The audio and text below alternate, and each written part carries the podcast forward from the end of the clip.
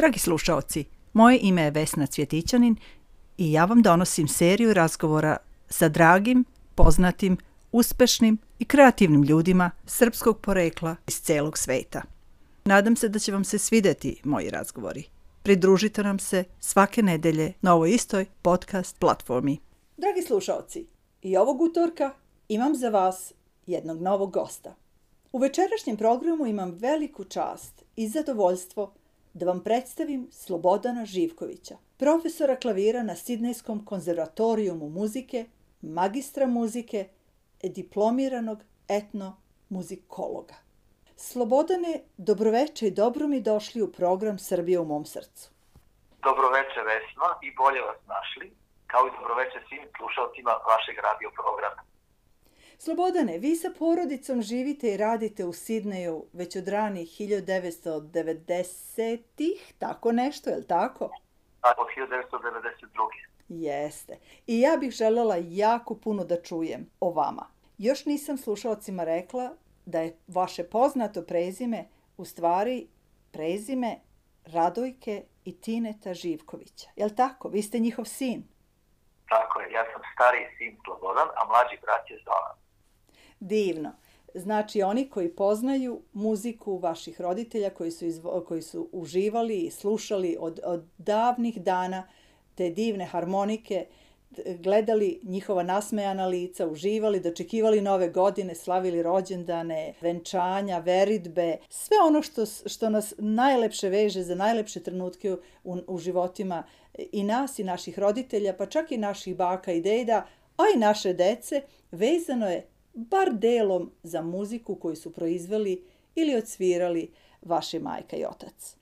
Hvala vam na tom posjećanju i na tom poštovanju uspomene na moje roditelje. Ja bih samo želeo da kažem vama i slušalcima vašeg programa da u stvari mnoge od tih divnih sadržaja emisija koje su snimane za televiziju mogu da nađu na YouTube-u, pošto su sačuvane takve emisije i to je zaista divno, pošto to postoji kao da je sad upravo izvedeno i zaista je lepa uspomena na njih. Ja bih večeras u stvari više želeo da govorim o nekim stvarima koje naš narod ne može da zna, naravno, jer to su ipak stvari koje su više intimno vezane za našu porodicu, konkretno i za mene lično, kasnije ćete vidjeti i moju suprugu Snežanu. E, radi se o knjigama koje smo mi ovde ostvarili, A inače, mene još od malih nogu vezuje te uspomene na knjige iz vremena iz druge polovine 19. veka, kada je moj predak, mamin deda, Mateja Tomić, koji je bio i guslar, i to vrlo priznati guslar i veliki podržavao novoformiranog udruženja Sveti Sava, koji je imalo za cilj da vodi brigu o obrazovanju našeg naroda u Srbiji u to vreme, znači to je vreme Obrenovića, i tako dalje. Znači, e, on je bio taj koji je imao biblioteku svojih knjiga. U ono vreme možda zamislite i kapitalna knjiga koja se zove Kneževina Srbija se nalazi kod nas u našem posjedu ovdje u Sidneju koje je pisao Milan Milićević 1876. je objavljena knjiga koja je neverovatna enciklopedija o svemu o Srbiji toga vremena. E, to je divno za čuti. Tako da onda, da bih ja manje govorila, a da biste vi imali više vremena u našoj emisiji da govorite i da zabavite naše slušalce, ja ću samo reći da je ova emisija i sadržina ove emisije u potpunosti po vašem izboru. Pa, mikrofon je vaš. Hvala vam puno. Dakle, muzika je u stvari meni uvek najvažnija. I porodično, i lično. Ali ovog puta sam hteo da vaše čitavce i vas obavestim o nekim stvarima, kažem, koje su naše lične, porodične i tako dalje uspomene. Ja sam tu da nastavim s ovom knjigom Kneževina Srbije. Znači, ona je pripadala biblioteci mog pradede, znači maminog dede, koji je bio u ono vreme predsjednik liberalne, a zatim naprednjačke stranke za Rasinski okrug, znači to se radi o Kruševcu i njegovoj teritoriji, njegovoj okolini, regionu, koji je bio narodni poslanik dve godine u Beogradu u ime tog istog regiona, znači grada Kruševca, u parlamentu za vreme kralja Milana Obrenovića. On je takođe bio predsjednik suda, pre toga i sudija, u Globoderu, jer Globoder je trebao da postane mesto Sresko u to vreme, to je mamino rodno mesto, od Kruševca 12 km udaljeno.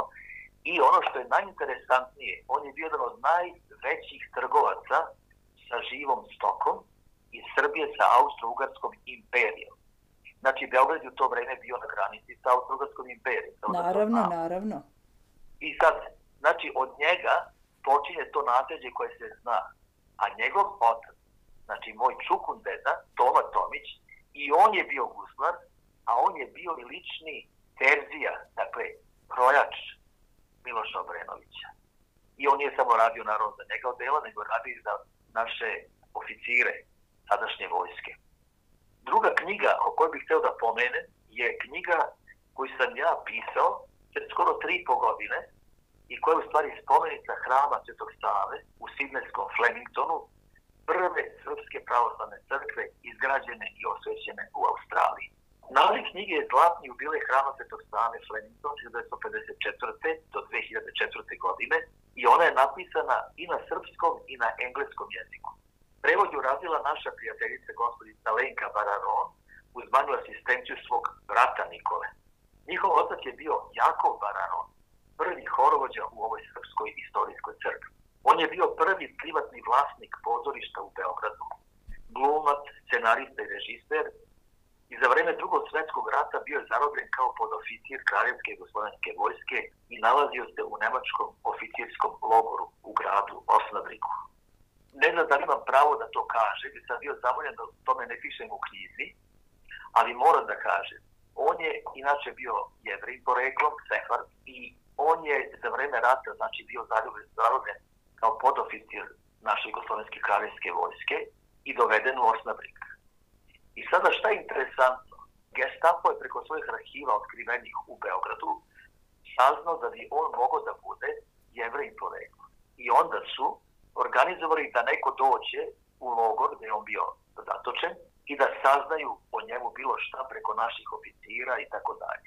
I sad možete da zamislite vi koja je to bila žrtva i veliki, velika opasnost za mnogi od naših oficira da oni pod zaketom se lažno tako da je to staro srpsko prezime. A u stvari je bilo jevrejsko, zar ne? Da, da, ali, ali vidite što se sad dešava.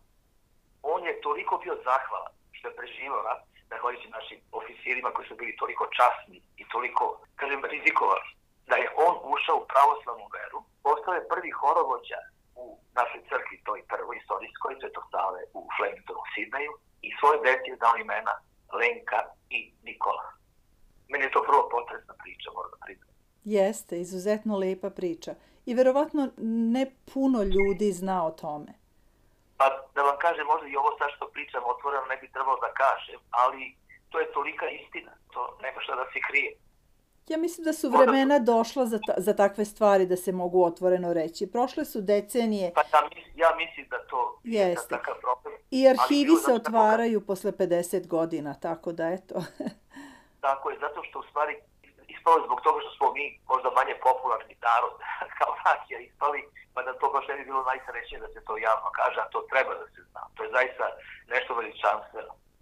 U vezi sa ovom crkvom mogu da podvučem da smo mi se preselili ovaj kraj 1997. godine. Čak nismo ni znali da ova crkva postoji. Možda da je to bilo nešto vrlo čudno, politički da ne kažem, jer je otac Milenko Stefanović, koji je bio vojni smeštenik na početku rata, on je u stvari sa svojim narodom podigao ovu svetinju kao prvu u Sidneju Australu. I ja sam njega upoznao, da je toliko bio jedan divan čovek i prihvatio sam da pišem tu knjigu tek posle tri slučajnosti koje su se desile. Znači, to je bio za mene neki čudan znak. Prvo, upoznao sam njegovu čerku koja je došla da ga obiđe. To je bilo pred njegovu smrt, znači to je bilo negde 2001. ona došla da ga vidi prvi put koji je on pomagao. Naravno, ona se udala za oficira u Srbiji, znači sve suprotno od onoga što je crkva njemu značila i tako dalje, ali nije bitno. Međutim, ja sam tu ženu prepoznao kad sam došao u crkvu ujutro rano i otac Vladislav, koji je tada bio naš e, sveštenik, izlazi iz ovog e, oltara i kaže meni dobro, dobro jutro profesora i dobro jutro oče Vladislave. Pa kaže, vi niste danas slučajno došli, rekao da znate i da nisam. Kaže, znate li ono ženo što pored moje popadije tamo stoji, pošto samo njih dve žene bilo u tom momentu. Ja kažem, pa kako da ne znam? Pa kaže, pa ko je to? Rekao da naša parohijanka što redovno dolazi na ove službe. A on kaže, jeste, kaže, ona stvarno liči mnogo, ali kaže, to nije ta žena. Ona je došla prvi put iz Beograda, juče, u Australiji. Hm. Kaže, to je četka jedinica oca Milenka. I ja zapanju, ja znam ženu, ja znam nju, pa sam pobrkao sa to kojom znam, inače, kao redovno parohijanku. I ja priđem ženi, ja pred Milica Milosavljević se zove ono da to prezime, ona je jedinica čerka oca Milenka. Ona je predavala moje deci i Aleksandru i Mariji tehničko obrazovanje u školi, osnovne koja se nalazila na kraju naše ulice u parku, na kotež Neymar u Beogradu. Znači, to je bio prvi moment. Kad sam ja došao kući i rekao Snežani, da je nisam ni konsultovao, da će ona sutra doći na ručak kod nas, jer sam se zaista obrazovao mnogo, oni su se isto obrazovali svi, onda mi deca kažu, pa kaže ti znaš da su njeni sin i čerka naši školski drugovi u muzičkoj školi. Ja kaže, šta je bre ovo, nikad nisam čuo za to. A treća slučajnost je bila koja me apsolutno natera da piše tu knjigu koja nije mali napor bio, veliki, veliki napor, s ljubavlju napisano, je bio kad sam saznao da je moj zem, znači naše čerke, suprug, novo pečeni, žive u istoj zgradi u kojoj je živela čerka oca Milenka Stefanovića sa svojom porodicom. E, to je odlučio da ja prihvatim tu žrtvu i da pišem. Znači, što se tiče oca Milenka Stefanovića, i on je bio u Osnabriku, u tom istom logoru gde je bio i ovaj Jakov Banaro. I oni su zajedno došli stvari u Sidney.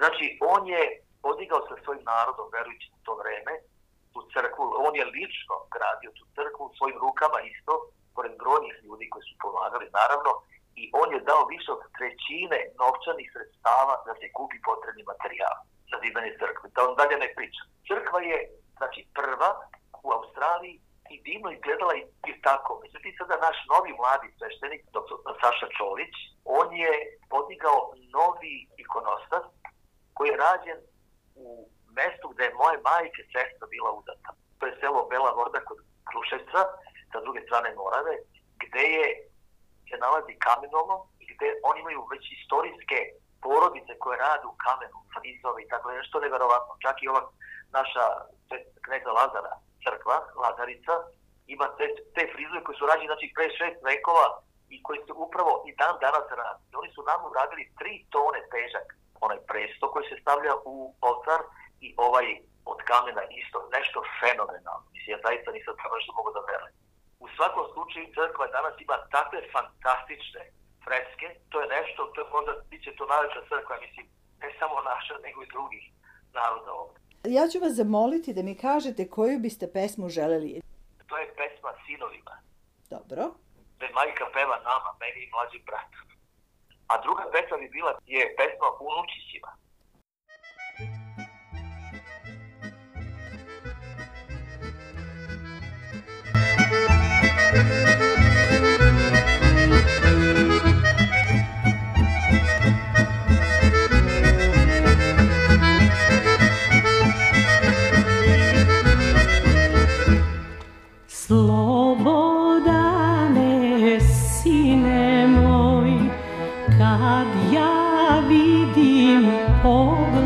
Oh.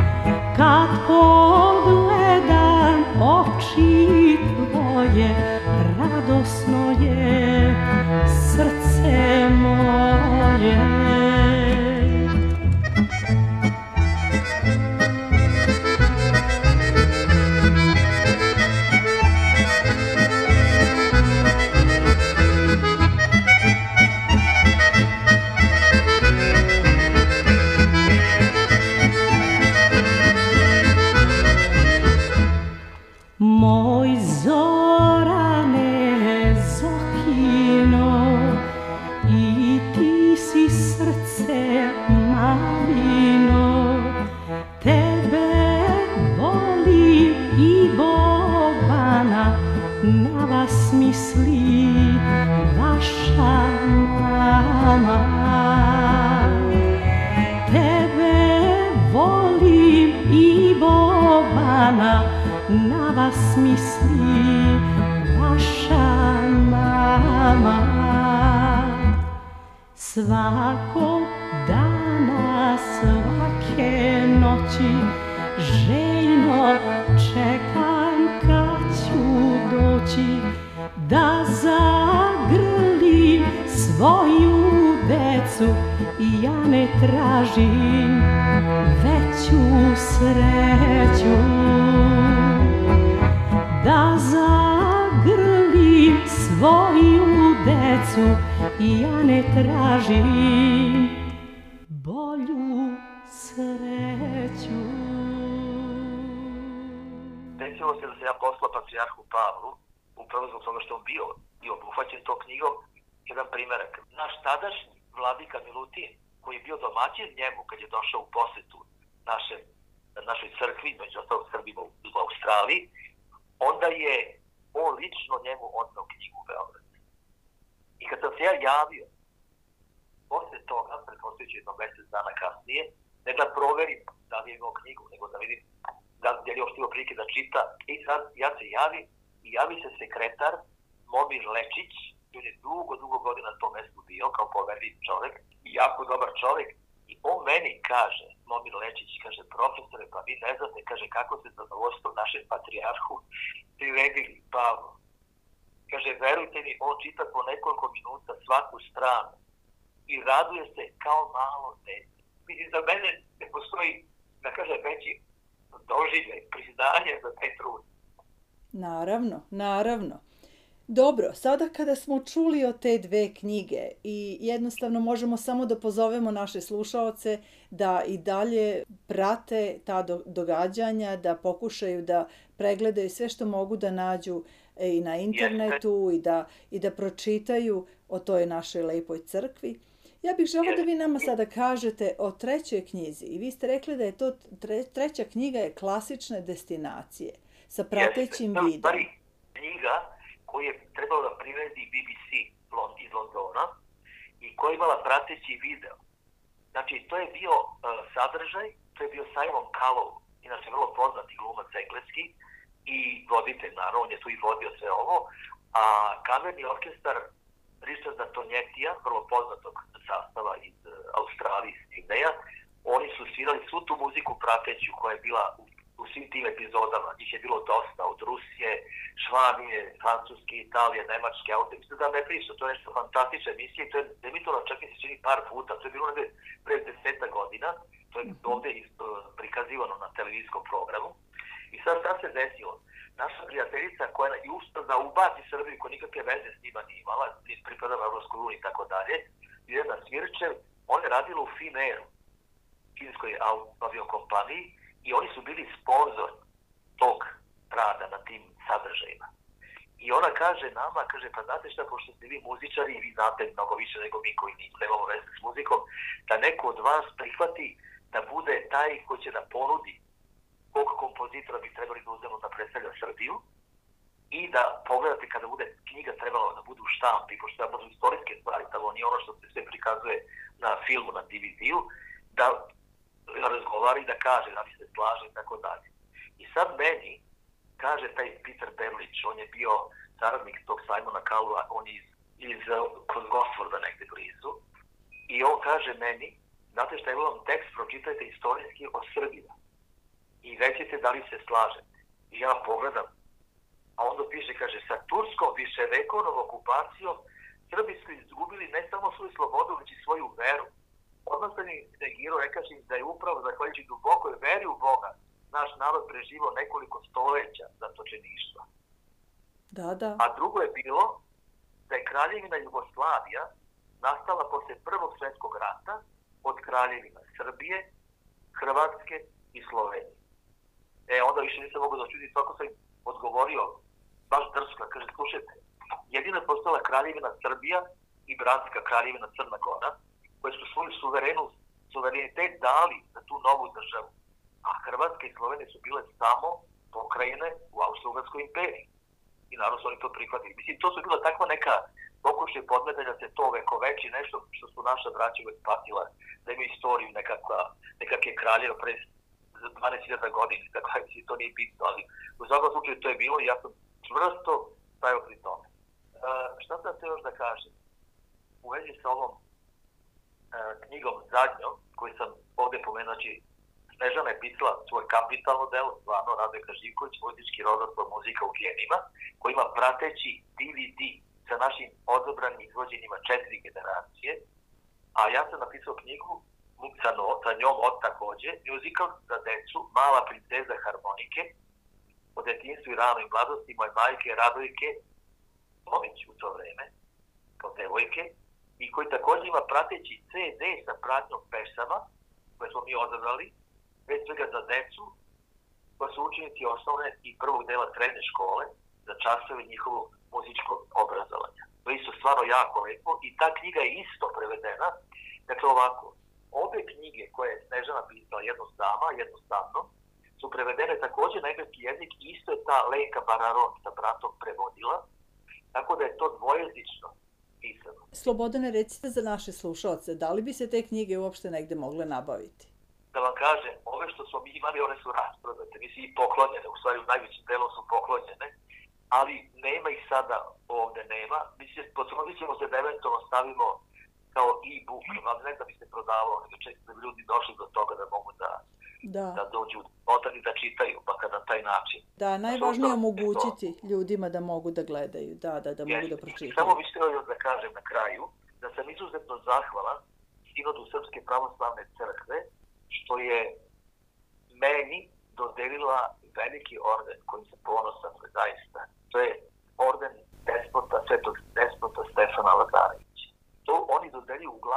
onim ljudima iz sveta umetničkog stvaralaštva, znači sa muzikom najviše vezano, ali naravno za doprinos crkvu. I to je verovatno bio razlog osnovni ovo prvo moj rad na ovoj knjizi, koja je zaista interesantna istorijska i koja je koštala sponzore naše, to su bili ljudi koji su nekada bili u zarobljeništvu, pa su dosta se dobro snašli ovde imali su dovoljno para, dali su 52.000 dolara australijskih da se oštampa samo 750 primjeraka knjiga. Možda zamislite vi, to, znate kakav je to luks? Toga nema, nažalost ima i to je vrlo malo je knjiga ostao u crkvi. Ja sam se normalno odmah odrekao u korist crkve, bilo čega sve autorskog prava, pošto autorskog prava ne mogu da dam drugima, a imao sam i divnu pomoć naših ljudi iz crkve, od sveštenika, pa do parohijana koji su pripadali staroj emigraciji i koji su od srca zaista pomogli. Tako da kažem, to je bio razlog verovatno, a drugo što ja i moja supruga i moj sin i čerka pevamo u hramu naše Svetog Save ovde u Flemingtonu, redovno na liturgijama. Sad smo, kaže, toliko ograničenja bilo da smo samo kao par mogli da idemo, pošto smo iz iste porodice, i tako smo bili pored sveštenika, džakona, još možda ako bilo jedna lično da pomogne oko nekih fizičkih stvari, da kaže tokom službe. Pevali smo znači kao par supruga i ja, a onda sin i čerka odvoje. I to je tako bilo naravno, mislim, tužna je slika, ali se to mora raditi. Ne može da bude crkva bez pevanja i... Naravno. Hvala vam puno za te sve detalje o kojima ste pričali. Ja Nema ću... na čemu i vama na strpljenju. pa ne, ne, ne, to je zaista fascinantno kada se posluša kako ljudi u sebi nose neke svoje istorije, neke svoje misli i mislim istorije svojih porodica, a pogotovo vaša porodica koja je tako jedna čuvena i mila i draga i poznata po svojoj dobroti i a, ši, širokogrudosti, a, a, a ipak, ipak verovatno najviše po muzičkom stvaralaštvu i doprinosu da. i ovdje to, u Australiji i, i mislim u Srbiji, u Australiji i u celom svetu. To je sigurno, to je sigurno, znate šta, ja ne mogu sad da hvalim roditelje toliko pošto sam pristrasan, u svakom slučaju, ali nije to pristrasan. Znate šta, oni su mnogo volili svet. Mnogo su volili da sviraju i zaista narod, svaki i ljudi koji nisu naše porekle, osjećali su to ljubav njihovu. I prema muzici, i bili su stvarno fantastični muzičari. Moj otac je bio drugi, znači mama je bila po meni najveći umetnik na harmonici, ali otac je bio to, to je drugi. Vi ne možete, kada oni sviraju zajedno, vi nećete znati ko je ko, jer to identično sviraju, zato što 10 godina otac je bio sa mojom majkom od 5 godina na onom Da, da.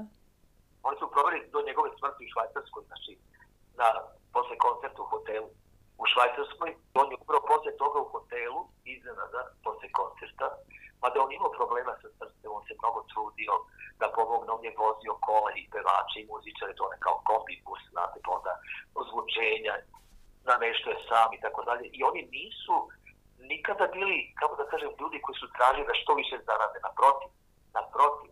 Ja sam njega putovao na nekim turnema još kad smo sedam godina po Jugoslaviji, mi leti rastu, neči i tako dalje, dva meseca. A ja ne znam da vam kažem gde su oni više bili popularni. U Sloveniji, u Hrvatskoj, Dalmacija, naravno, Crna Gora, Bosna i Hercegovina, to već da ne pričam, Slavonija, ovamo, deo prema nama, ma svuda, svuda, Makedonija.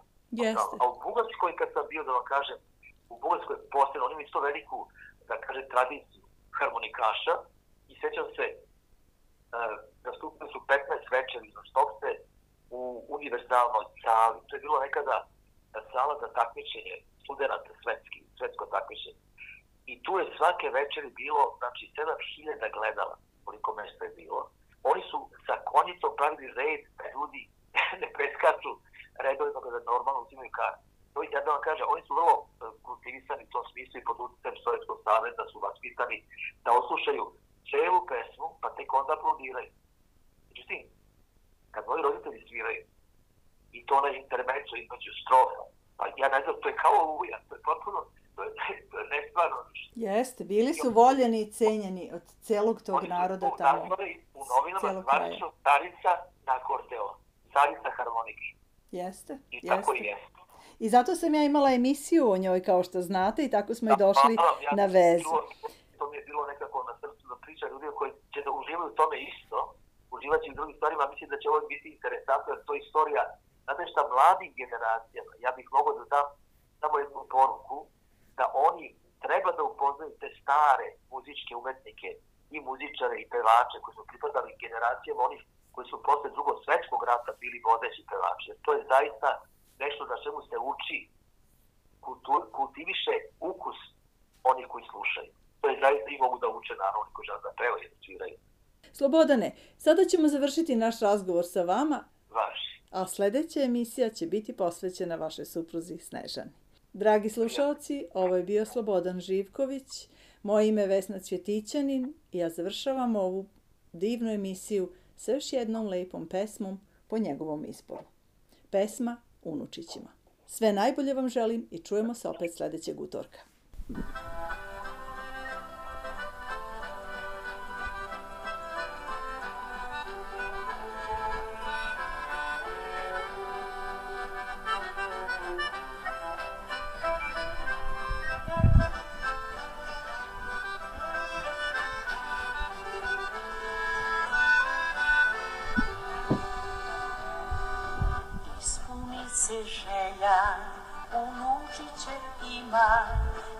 krenem ja se ponosim sa njima.